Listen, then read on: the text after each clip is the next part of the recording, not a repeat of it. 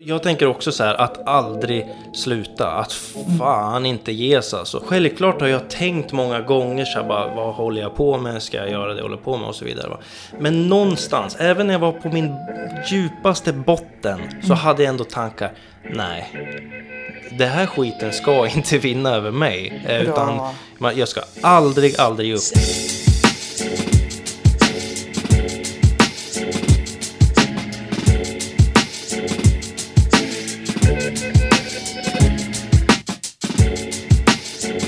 Bodil Tornell, välkommen hit. Tackar. Eh, jättekul att du är här. Eh, skulle du inte kunna berätta lite grann vem du är och vad du gör? Vem jag är? Ja, jag... eh, Det är väl väldigt mycket jag som är mitt jobb egentligen. Jag eh, startade ett företag för, eh, ja, vad blir det, 91 i varje fall, som reflexolog och näringsterapeut. Innan dess hade jag jobbat i sjukvården som biomedicinsk analytiker i drygt 20 år. Tyckte att det var lite eh, sådär att jobba i sjukvården. Ville mer hjälpa folk att bli friska och hålla sig friska. Så det är där jag hamnade. Sen har jag ju drivit det här företaget då sedan 2001 och vi har varit fler och färre personer som har jobbat där. Just nu är vi ett himla härligt gäng på 12 personer så vi kompletterar varandra väldigt bra. Och hos oss så kan man liksom göra allt från eh, hudvård, fotvård, mentala bitar, träna pilates, reflexologiska behandlingar, massager av olika slag. Ja, egentligen allt som har med hälsa att göra. Mm, fantastiskt. Och ni sitter ju där vid, om man, för, den, för den lokala publiken så sitter ni där vid eh, Laxtrappan ungefär va? Ja, Ja, just det. Mittemot laxtrappan. Just det, precis. Vad, vad skulle du säga att du har lärt dig på den här långa företagsresan egentligen som du har gjort här nu? Med vårt alternativ. Massor skulle jag vilja säga. Och hade jag vetat när jag startade vad jag vet idag så tror jag aldrig jag hade startat. Faktiskt. Mm. Nej, men jag ångrar inte en sekund. Men det har varit både upp och nedgångar på vägen. Just det. Men, eh, Men finns- sig samarbete mycket. Just Måste det. liksom få ihop pusselbitarna för att det ska funka. Mm. Och sen har jag väl lärt mig en sak som jag inte var medveten om från början. Det är att ju fle- fler olikheter man har som personlighet, ju bättre är det.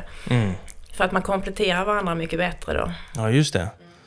Fick du liksom träna upp på något sätt att eh, acceptera varandras olikheter i ett samarbete? Eller kom det naturligt? Eller hur? Det har jag tränat på väldigt mycket. Läst väldigt mycket hur man ska jobba med olika individer, att vi är olika. Nu rullar det på, nu är ni 12 stycken och så här och ni kompletterar varandra bra, det är ju fantastiskt. Men eh, har, har det varit någon, liksom, någon tuff period också som liksom har satt sig lite i minnet på det, där du drog verkligen stora lärdomar? Liksom? Har du hamnat vid något vägskäl någonstans i ditt företagande? Nej, det kan jag väl inte säga att jag har gjort direkt, men eh, en period så hade jag väldigt lite hyresgäster och då var det ju ekonomiskt väldigt tufft eh, att få hyran. Jag fick ju betala lika mycket hyra ändå. För det hänger, jag bygger ju företaget på att vi har eh, egna företagare som hyr in sig där. Och då gäller det ju att ha så att alla rummen är uthyrda. Mm, just det. Och när jag det. inte hade det, då fick jag ju slita ganska ordentligt för att få ihop. Hur, hur gjorde du då? då? Det var bara till att få ännu fler behandlingar som jag själv jobbade med. Så då jobbade jag, då hade jag ju åtta, ja, sju, åtta behandlingar om dagen.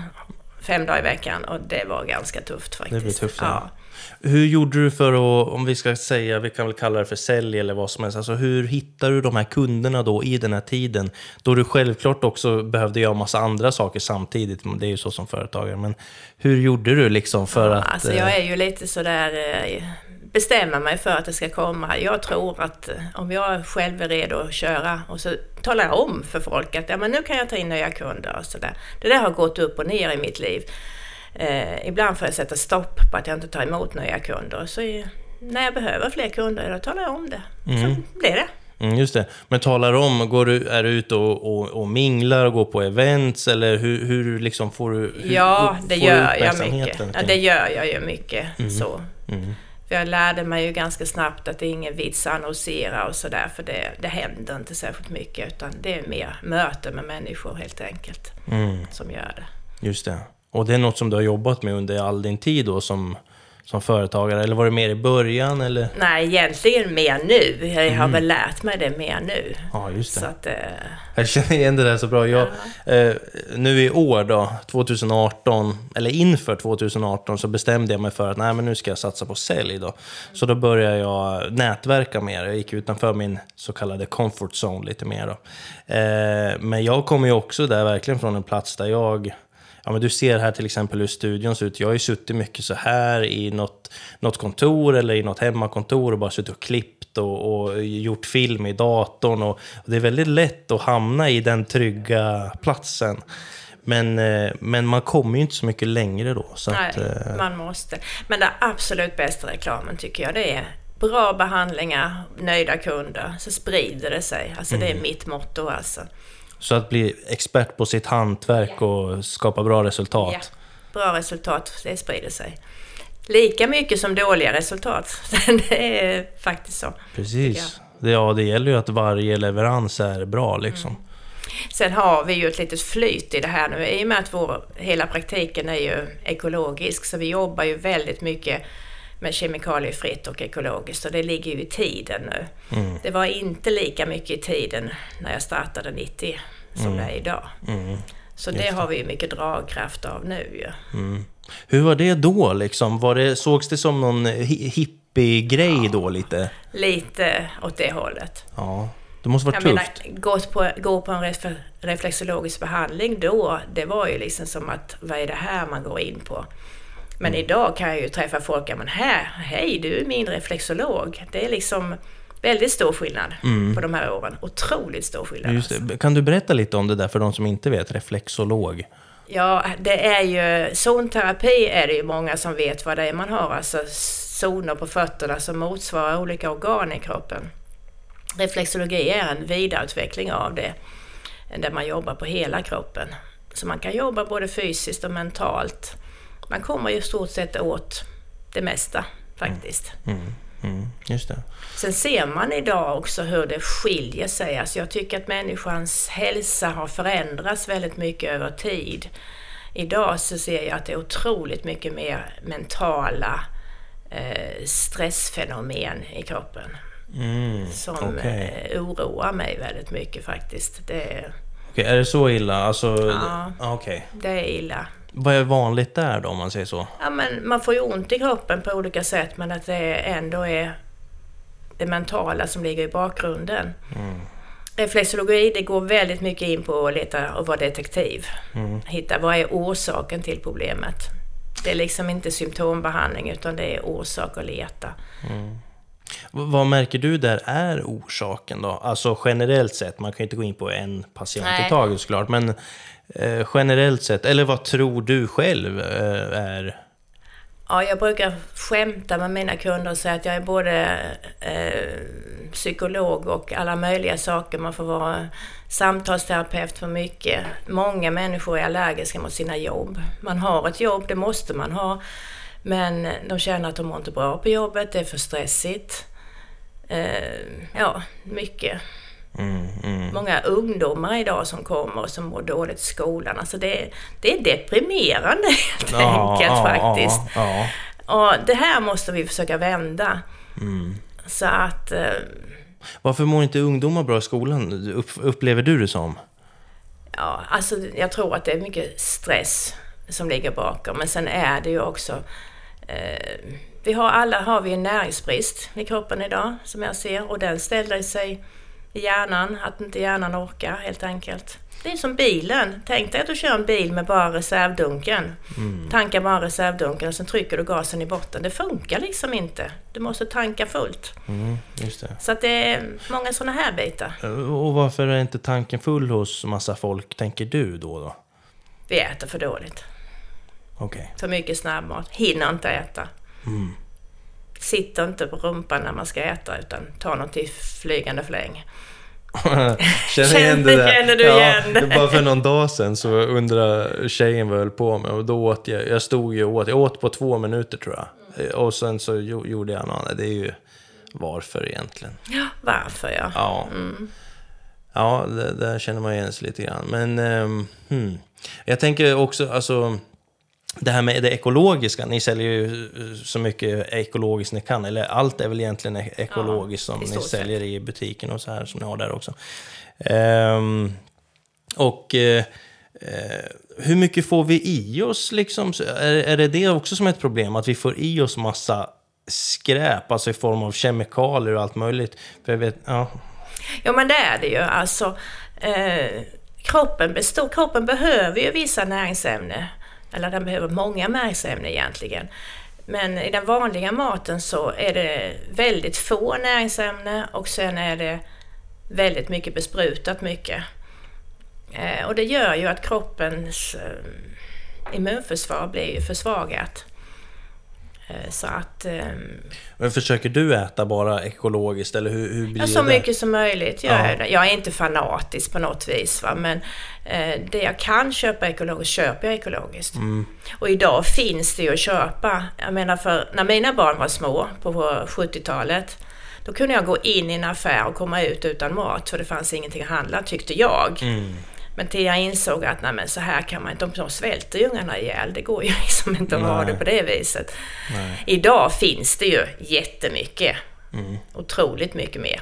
Men maten som är alltså icke-ekologisk idag, Mm. är den sämre än vad maten var på 70-talet som du sa, när den var icke-ekologisk? Nej, det tror jag inte den är egentligen. Jag tror att det är ungefär samma sak. För det började ju redan då att bli väldigt utarmade i våra marker. Och jag läste en undersökning nu att eh, för hundra år sedan så hade vi ungefär, alltså idag har vi ungefär 15 procent av näringen i maten mot vad vi hade för hundra år sedan.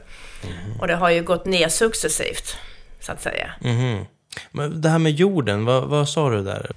Men våra jordar de är ju utarmade på näring helt enkelt. Man ska ha ungefär, om vi tar mineraler, så ska man ha ungefär 70 till 100 mineraler. Och idag gödslar vi med tre, maximalt 6, 8.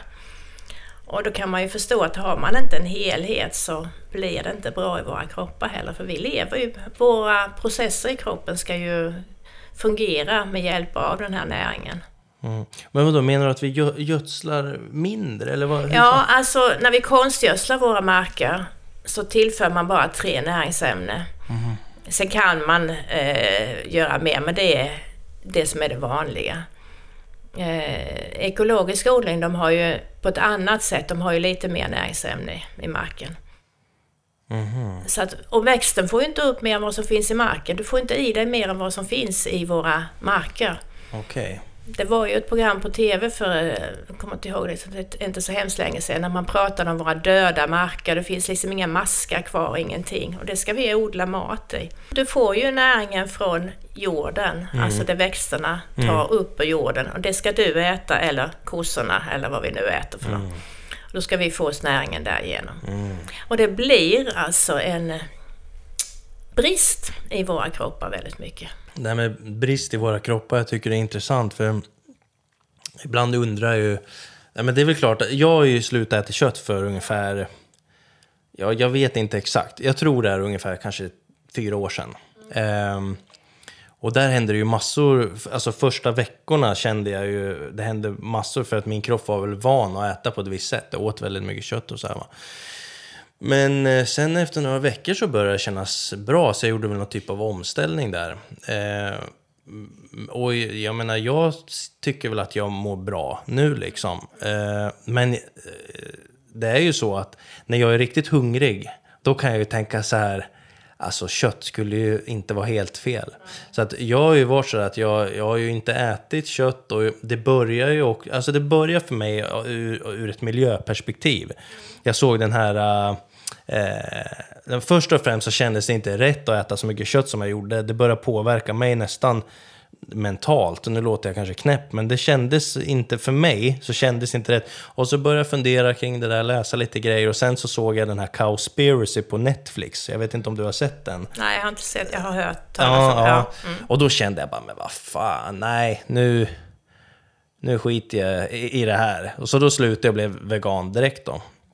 Men sen har du gick där... från att vara köttätare till vegan? Ja, direkt så. Ja. Så jag kände okay. så här, ska jag göra det så gör jag det ordentligt. Allt, liksom. allt eller inget? Ja. ja. Sen vet jag inte hur länge jag var så, alltså hur länge jag åt så.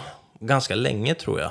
Men sen idag i varje fall, eh, då jag får ju i mig, jag får i mig ägg och ibland någon typ av mjölkprodukter. Så det får jag i mig. Annars så äter men jag äter fortfarande inget, äter ingen fisk, inga räkor eller något sånt. Eller kött eller no, något sånt då. Eh, men eh, hmm, jag tänker mycket så här, vad är rätt och vad är fel?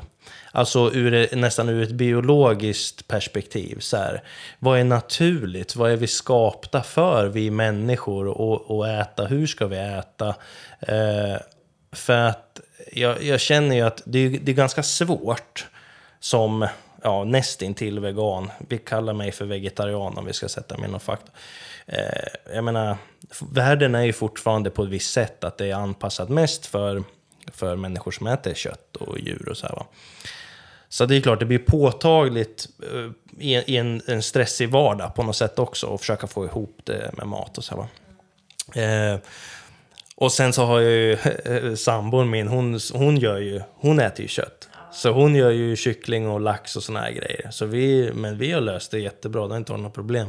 Men däremot så det är klart att...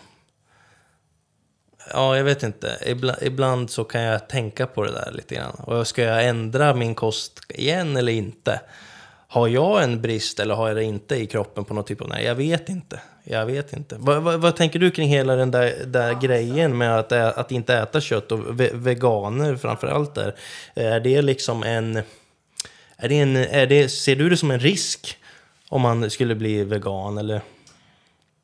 Ja, med risk att sticka ut hakan här så ser jag ju att människor som är veganer har mer brister. Men det finns de som är blandätare också, köttätare, som har jättemycket brister också. Så att för mig finns det inte rätt eller fel i det här sammanhanget, utan det är individuellt. Vi är individer. Vissa människor mår jättebra av att äta vegetarisk mat. Och andra skulle aldrig kunna tänka sig det. Men vi är, vi är liksom olika och jag tror att vi måste titta på vad vi är för individer. Eh, jag har studerat lite det här med att äta efter sin blodgrupp. Jag vet inte om du har talat om det, att man kan göra det? Nej, det låter spännande. Det är några nat eh, naturläkare i USA som har eh, studerat det här. Att blodgruppen som vi är, vi är A, B, A, B eller 0. Att det har med hur, vad vi har för enzymer i kroppen. Att vi då mm. kan smälta mat mer eller mindre bra.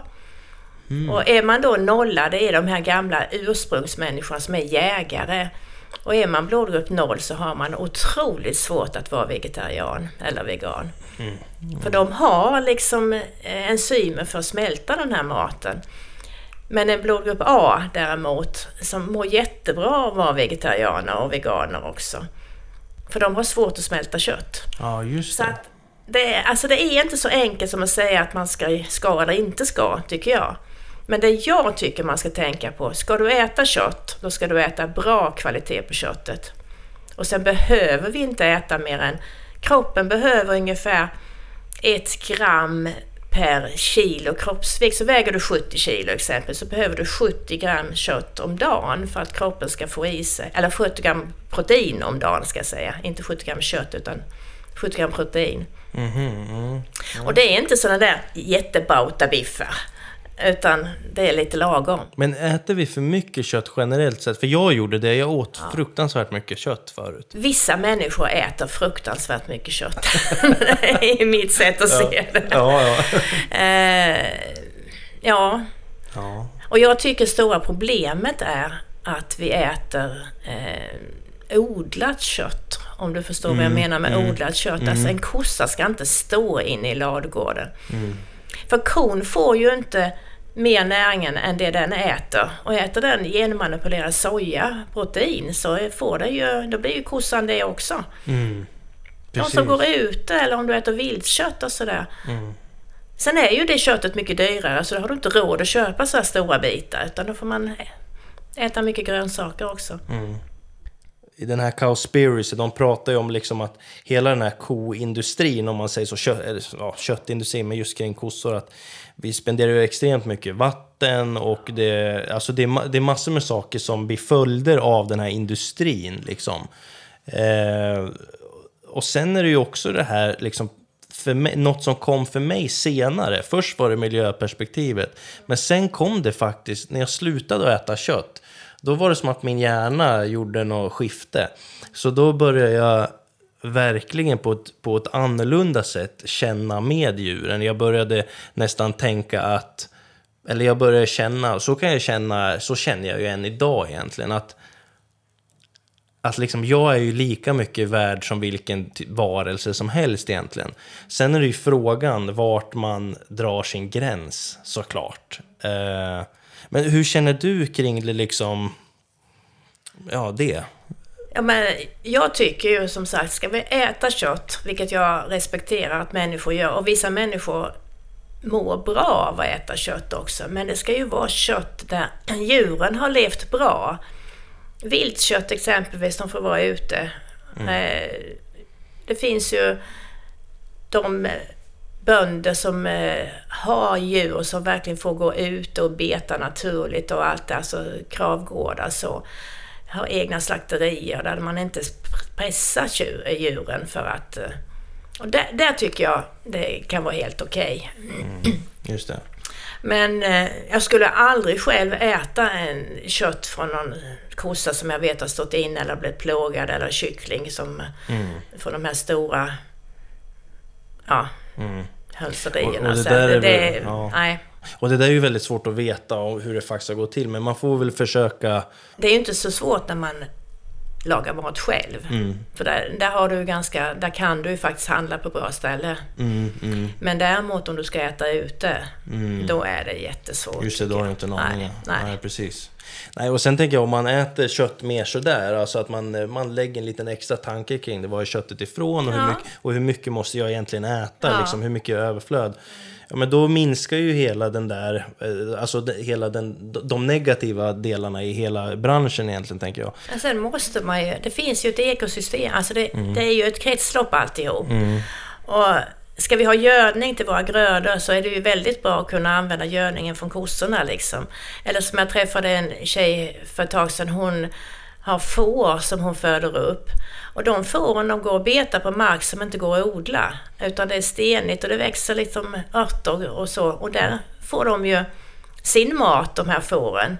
Och sen äter de då i sin tur fårens kött. Och där på den marken hade man inte kunnat odla någonting. Mhm.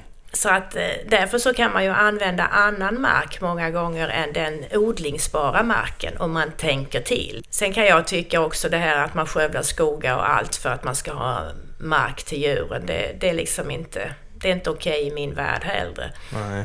Men om vi tittar tillbaka till vad kroppen behöver så är vi ju egentligen, det kan vi ju se på våra tänder, vi är ju eh, lite allätare. Vi är ju inte fröätare eller bara gräsätare utan vi har ju även eh, tuggtänder för kött. Mm, Okej, Så intressant. att, eh, det är ju faktiskt... Eh, Är det våra hörntänder här där vi ska greppa Ja. tag i, i Ja, köttet som Titta ett på vargen. rovdjur? Ja. ja. Men det är så alltså? Ja, men vi har ju sådana tänder. Mm. Alltså, så vi, vi är gjorda för att äta eh, både och. Mm. Alltså om våra förfäder, vi går väldigt, väldigt långt tillbaka, så jagar man ju sin buffel eller vad det nu var för någonting, så åt man ju den. Mm. Och så plockar man ju fröer och rötter och så här. Det vi inte har gjort länge, det är ju odlat. Mm. Säd och sådana saker. Så då, då tänker jag liksom att som människan som ras då, eller vad man ska säga, har liksom egentligen överlevt för att vi har då kunnat anpassat oss efter de förhållandena som har varit. Så eh, har det inte gått att odla då några år så har man kunnat jagat och sådana. Ja, är det lite ja. så det är? Eller? Jo, det är ju... Att jaga är ju det mest... Eh, vad ska jag säga, det som man gjorde, har gjort allra längst. Mm. Det, Just det. vi har ju varit jägare från Mm. allra, allra första början. Och det som är intressant är ju att man... Våra kroppar är ju egentligen likadana idag som de var för tusentals, tusentals år sedan. Mm. Vi kan liksom förbränna samma mat. Men vi borde, det känns som vi människor, vi- borde ha jag, jagat till sen första människan Ja, va, vakna upp egentligen. ja, ja. Så på så sätt gjort, alltså. eh, så känns det ju som att, att äta kött känns som en ganska naturlig grej. Ja, jag tycker att det är en naturlig grej, men det är kvaliteten på köttet. Det är där jag tycker att vi ska lägga vår fokus alltså. Precis som, ja, jag tycker kvaliteten är mycket, mycket viktigare än vad vi äter egentligen. Mm. Just det. Det är en så stor fråga där, för nu, tänker, nu sitter jag och säger så här, ja men ätarna kött är ju ganska naturligt. Nu blir du sugen, va? inte, Ja, precis. Och så äter jag inte kött och eh, jag känner ju massa människor som inte gör det och så Ja. Mm. vidare. Så här, va? Eh, men jag tycker att man måste ju prata om vissa saker utan att eh, reagera med ilska eller något Men sånt. det, det tycker jag, det är därför jag säger det att jag har inga fördomar för varken det ena eller det andra. Utan vad jag tittar på på människan så är det vad, vad vill din kropp ha för något? Hur mår du? Däremot har jag träffat en hel del tjejer, framförallt tjejer, och det är väl där man märker det mest, som är veganer och vegetarianer som eh, exempelvis inte får mens. De här unga tjejerna som då har blivit veganer eller vegetarianer eh, av etiska skäl, vilket jag fullt respekterar, eh, blir i regel att hormonerna funkar inte på dem och då får de inte någon mens och då kommer de upp sen det det stämmer inte i kroppen. Mm, Alltså att en tjej som inte har mens regelbundet, det är någonting som är fel. mm, Och eh, vad vi har sett när jag har gjort eh, analyser på dem, eh, man gör fettsyraanalyser, så har de väldigt dålig balans på sina fettsyror. Och där är ju, de äter väldigt mycket bönor, baljväxter, nötter, får i sig otroligt mycket omega-6 som är inflammationsdrivande. Så det blir fel i systemet. Alltså så att vara vegan, framförallt vegan, det är ju, måste man ha kunskap för att man ska ha. Och då klarar man det. Men det, det håller jag helt med om, för det märkte jag på mig där i början. Alltså, det var ju svårt. Mm. Alltså, det var ju en svår grej, det var ju något helt nytt. Och ibland så mådde jag inte bra, Nej. liksom. jag kunde känna mig trött. Och jag vet i början hade jag, eh, det var nog, det var nog andra veckan där någon gång, så började jag få väldigt ont i huvudet och så här. Sen försvann det. Jag, jag vet inte om det var en... Det, kan också att vara. kroppen ställde om Ja, på det något kan sätt. det mycket väl vara. Ja. Det var, det var som, som avgiftning eller Ja, någonting. men det kan vara en Eh, utrensningsreaktion ja, du fick men- där faktiskt. ja, Ja, ja. För det är ju frågan om hur, när du, om du har ätit väldigt, väldigt mycket kött, att det måste kanske ligga en massa slaggprodukter. Om du Ja. inte har varit så noga med vad du åt för kött heller. Nej, det, har, det var jag nog inte riktigt. Jag, var, var, jag var, hade inte varit fokuserad på det där, men sen hände väl något skifte där i, i hur, jag, hur jag tänkte. Eh, jag är alltid öppen så för nya grejer, så vem vet, imorgon kanske jag äter kött äter igen. Jag vet inte, men... eh, Säga det till sambon. Ja, får göra det. Hon blir väl överlycklig. Eh, nej, men jag tror, alltså kunskap, alltså ve- vegan, ah, vill man vara det så är det klart man ska vara det liksom. Eh, Ja, men, du man måste, se till att du får i dig näringen. Och vad man tappar mycket det är ju järnet och B12 som är svårt. Så det måste man ju ta tillskott på helt Mm, enkelt. Jag, jag har ju sett lite, alltså jag har sett lite online och så här på människor som varit veganer väldigt länge. Och de har ju blivit proffs på det liksom. Ja. Så de mår ju väldigt Ja, bra. ja. Eh, så att det är väl kunskapen där. Men det där du som är blodgrupperna känns ju sjukt intressant. Ja, det är väldigt intressant. Det hade inte jag hört talas om faktiskt. Nej, Alltså vet jag ens vad jag har för blodgrupp? Det vet jag nog inte. nej. Det kanske man ska veta. Kanske en bra grej Om att man, veta. i- ja, det kan man ju göra, men eh, har man inte gjort... Killar som har gjort lumpen förr i världen, de, de blev ju blodgrupperade. Eller kvinnor som har fått barn, då vet man det. Men alla andra vet ju i regel inte det. Det går ju att, att göra en blodgruppering om man vill. Ja, det är klart. Det är klart. Min förhoppning är att det, ska bli en balans igen. Mm. För jag tycker inte att alla ska bli vegetarianer, nej. Mm. Alla mår inte bra av att vara det. Jag tillhör de som inte riktigt håller med om att världen håller på att gå under för att vi äter för mycket kött. Eh, jag är helt övertygad om att det är många andra bitar som är drivande. Framför allt alla enorma kemikalier vi har mm. på allting. Mm. Som gör att vi får de här döda markerna och har vi dåligt, dåliga marker så kan inte de ta åt sig koldioxiden som vi säger är boven till miljöförstöring. Vi måste, alltså hela ekosystemet har ju förstörts. Mm. Och jag tycker det är synd att lägga skulden på alla köttätare, att det är de som förstör. Mm. Eh, utan Ja. Om några säger så, ja då är det ju ja. Inte bra. Nej. Och det finns såklart folk som hakar upp sig på den frågan extremt. Ja, och då vill man peka på de människorna. Ja, precis. Ja. Utan det, det är mycket större än så. Mm. Är det något man ska eh, försöka, som jag tror stenhårt, det är ju att försöka gå över till ekologiskt så mycket som möjligt. I allt, och det är inte bara maten utan det är alla andra saker, hudvård och ja, allt. Men kemikalier, så liksom, vad, vad, är det? Alltså är det i allt vi konsumerar praktiskt taget? I det mesta. Mm. Okej. Okay. Ja. Ska du färga ett, ett, eh, tyg så är det ju massa kemikalier i det, så sprutar man ut det i naturen.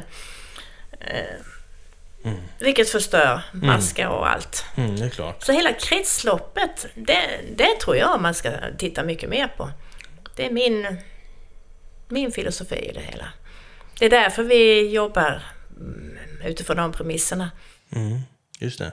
Det känns som du har träffat helt rätt så här med, med vad du gör.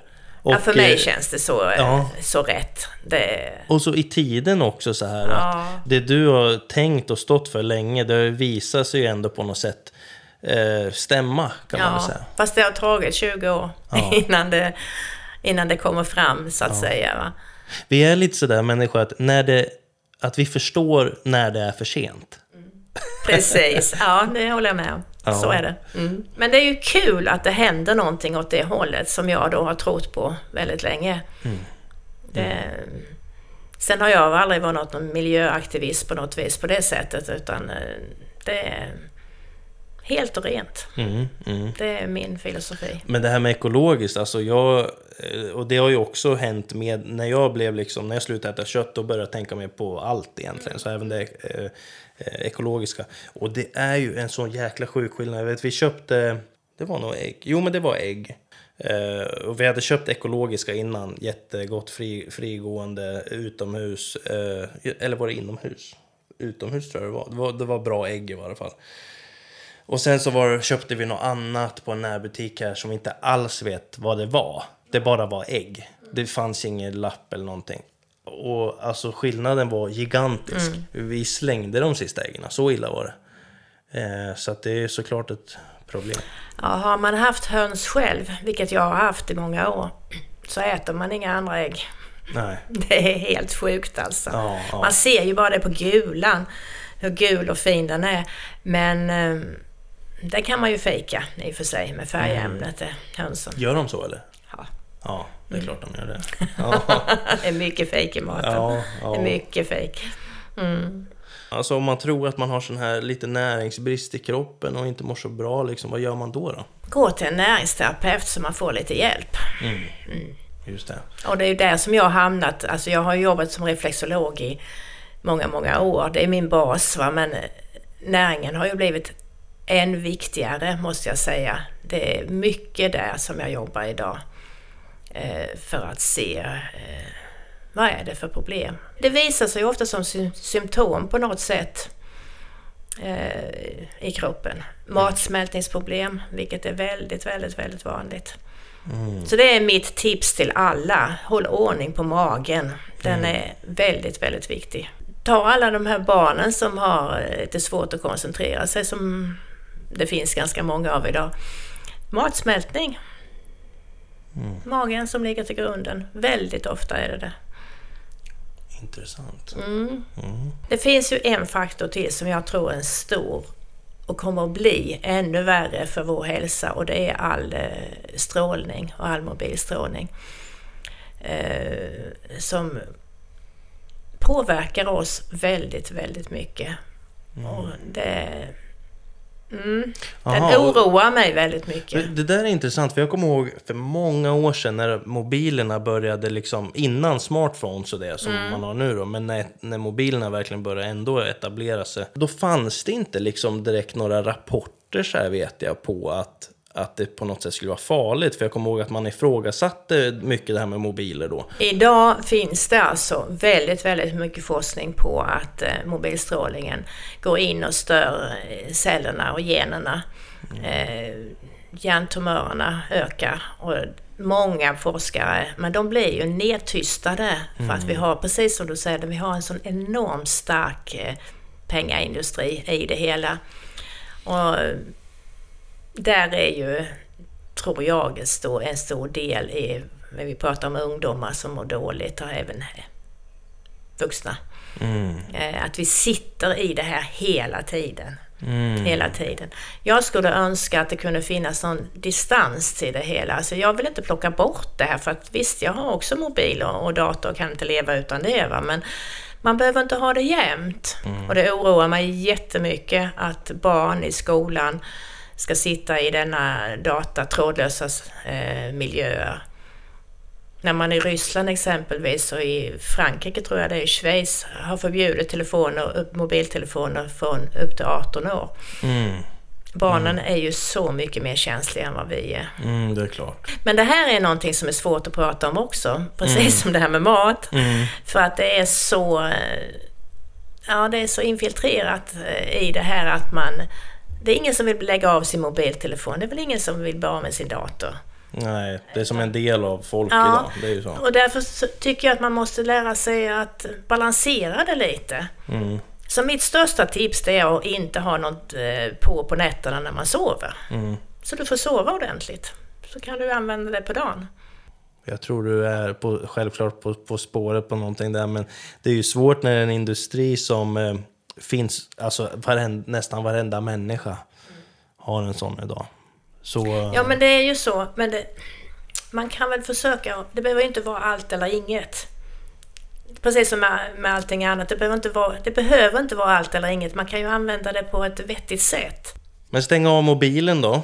Det kan vara bra. Känner man sig lite hängig så ska man gå till en, vad sa du, närings, En näringsterapeut. näringsterapeut. Och vi har tänder som indi, indi, indikerar på att vi eh, äter och alltid har ätit kött eh, till och från. Så skulle man väl kunna säga. Ja, tycker jag. Mm. Jag vet inte om du vet det här, men hur funkar det här med slakten? Nu hoppar jag lite här, men, men alltså kossor lever de ett långt liv, dj- djur överhuvudtaget, och sen blir de slaktade? Eller slaktas de när de är på topp? De slaktas väldigt unga. Ja, men det är inte det, det känns ju i- inte bra alltså, Nej. någonstans. Nej, det... Jag, Det borde ju gå att äta, alltså en ko som alltså, inte har så långt kvar kanske. det borde väl gå att äta en... gör det absolut, tror jag säkert. Så det här är bara för att det ska gå sjukt fort allting? Det, man, det är pressat liksom, det är som en fabrik allt bara så här? Ja, men det är ju det. Okej. det man, odl, man odlar ju köttet Ja, för att vi det. ska ha mat, helt Ja. enkelt. Men det som är... Det är ju att man eh, driver det inte alls på samma sätt på de här gårdarna som man gör i många, Mm. på många andra ställen. Ja, ja, men jag ska, jag ska tänka lite mer på det här med kött i varje fall. Vem vet, jag kanske gör en, en köttcomeback någon, någon gång. Ehm, eh, eller så gör jag inte det, vi får se. Eh, och så utmanar jag dig att kolla på Cowspiracy då. Eh, den tyckte jag var lite bra. Men man får ju ha... Man ska ju alltid vara källkritisk, även hur bra någonting eh, ser ut då. Eh, faktiskt. Och sen apropå det här vi pratade om, det finns en jättebra film som heter Okja på Netflix. Men jag vet inte, kollar du på Netflix? Ibland. Du, du har Netflix eller? Ja. Jag gillar Netflix. Om man går in på, på exempelvis Facebook då, där folk typiskt går i clinch för det blir alltid kommunikationsproblem. Ja. Man kan till och med prata om samma sak och tycka samma sak, men man använder ett ord fel så blir det här clinch. Men då har vi ju, som jag var med i någon vegangrupp, de var ju helt jävla hysteriska. Sen så har vi ju de här eh, som, som, som ser att så fort man ifrågasätter köttätandet så känner de att man ifrågasätter hela deras liv och så blir de upprörda. Det känns som det är två fanatiska grupper. Det kanske man inte kommer till någonting där. Liksom, det blir ingen lösning i det. Så du är där i, i lösningen? Ja, nej men jag är nog medlaren Ja. eh, väldigt mycket. Men eh, nej, jag vill titta på individen. Vad är det individen ska ha? Och jag är så fruktansvärt egoistisk om min egen kropp. Så att jag måste liksom se på den, vad den tycker om. Mm. Och då... Ja, det är det man måste rätta sig efter. Ens egna hälsa är number one. Ja. Mm. Så har jag en bra hälsa och jag tänker att jag vill inte stoppa i mig en massa kemikalier, då kommer jag ju också tänka så om naturen. Alltså för det återspeglar ju sig. Det där var bra. Det tyckte jag var en bra, det var en bra avslutning.